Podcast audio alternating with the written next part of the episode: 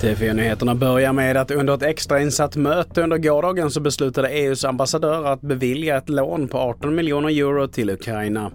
Det som tidigare satt käppar i hjulen är att Ungern som fått sina bidrag frysta då de inte uppfyller kraven för att motverka korruption och bedrägerier. Nu har EU gått med på att Ungern får ta del av Coronafonden men att övriga bidrag är fortsatt frysta till villkoren uppfylls. Vidare till att idag så avslutas den unika spionrättegången i Stockholm och enligt en expert så kände Putin sannolikt personligen till vad de misstänkta spionbröderna gjorde i Sverige. Om misstankarna och åtalet mot dem stämmer. Det är, ska jag säga, högst sannolikt att han eh, ger sitt godkännande för sådana operationer. I ett internationellt perspektiv så passar det här ju liksom ganska bra in på vad vi har kunnat konstatera under senare år, alltså en underrättelseoffensiv från rysk sida. Och i inslaget så hörde vi Jan Lejonhjelm som är expert på rysk underrättelsetjänst.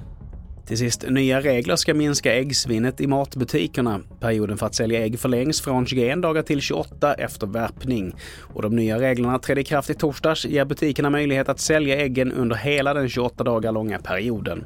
Förhoppningen är att den extra veckan ska minska svinnet och enligt Livsmedelsverket är ägg som förvaras kallt dessutom ätbara långt efter bäst före-datumet har passerat. Fler nyheter hittar du på tv4.se. Jag heter Mattias Nordgren.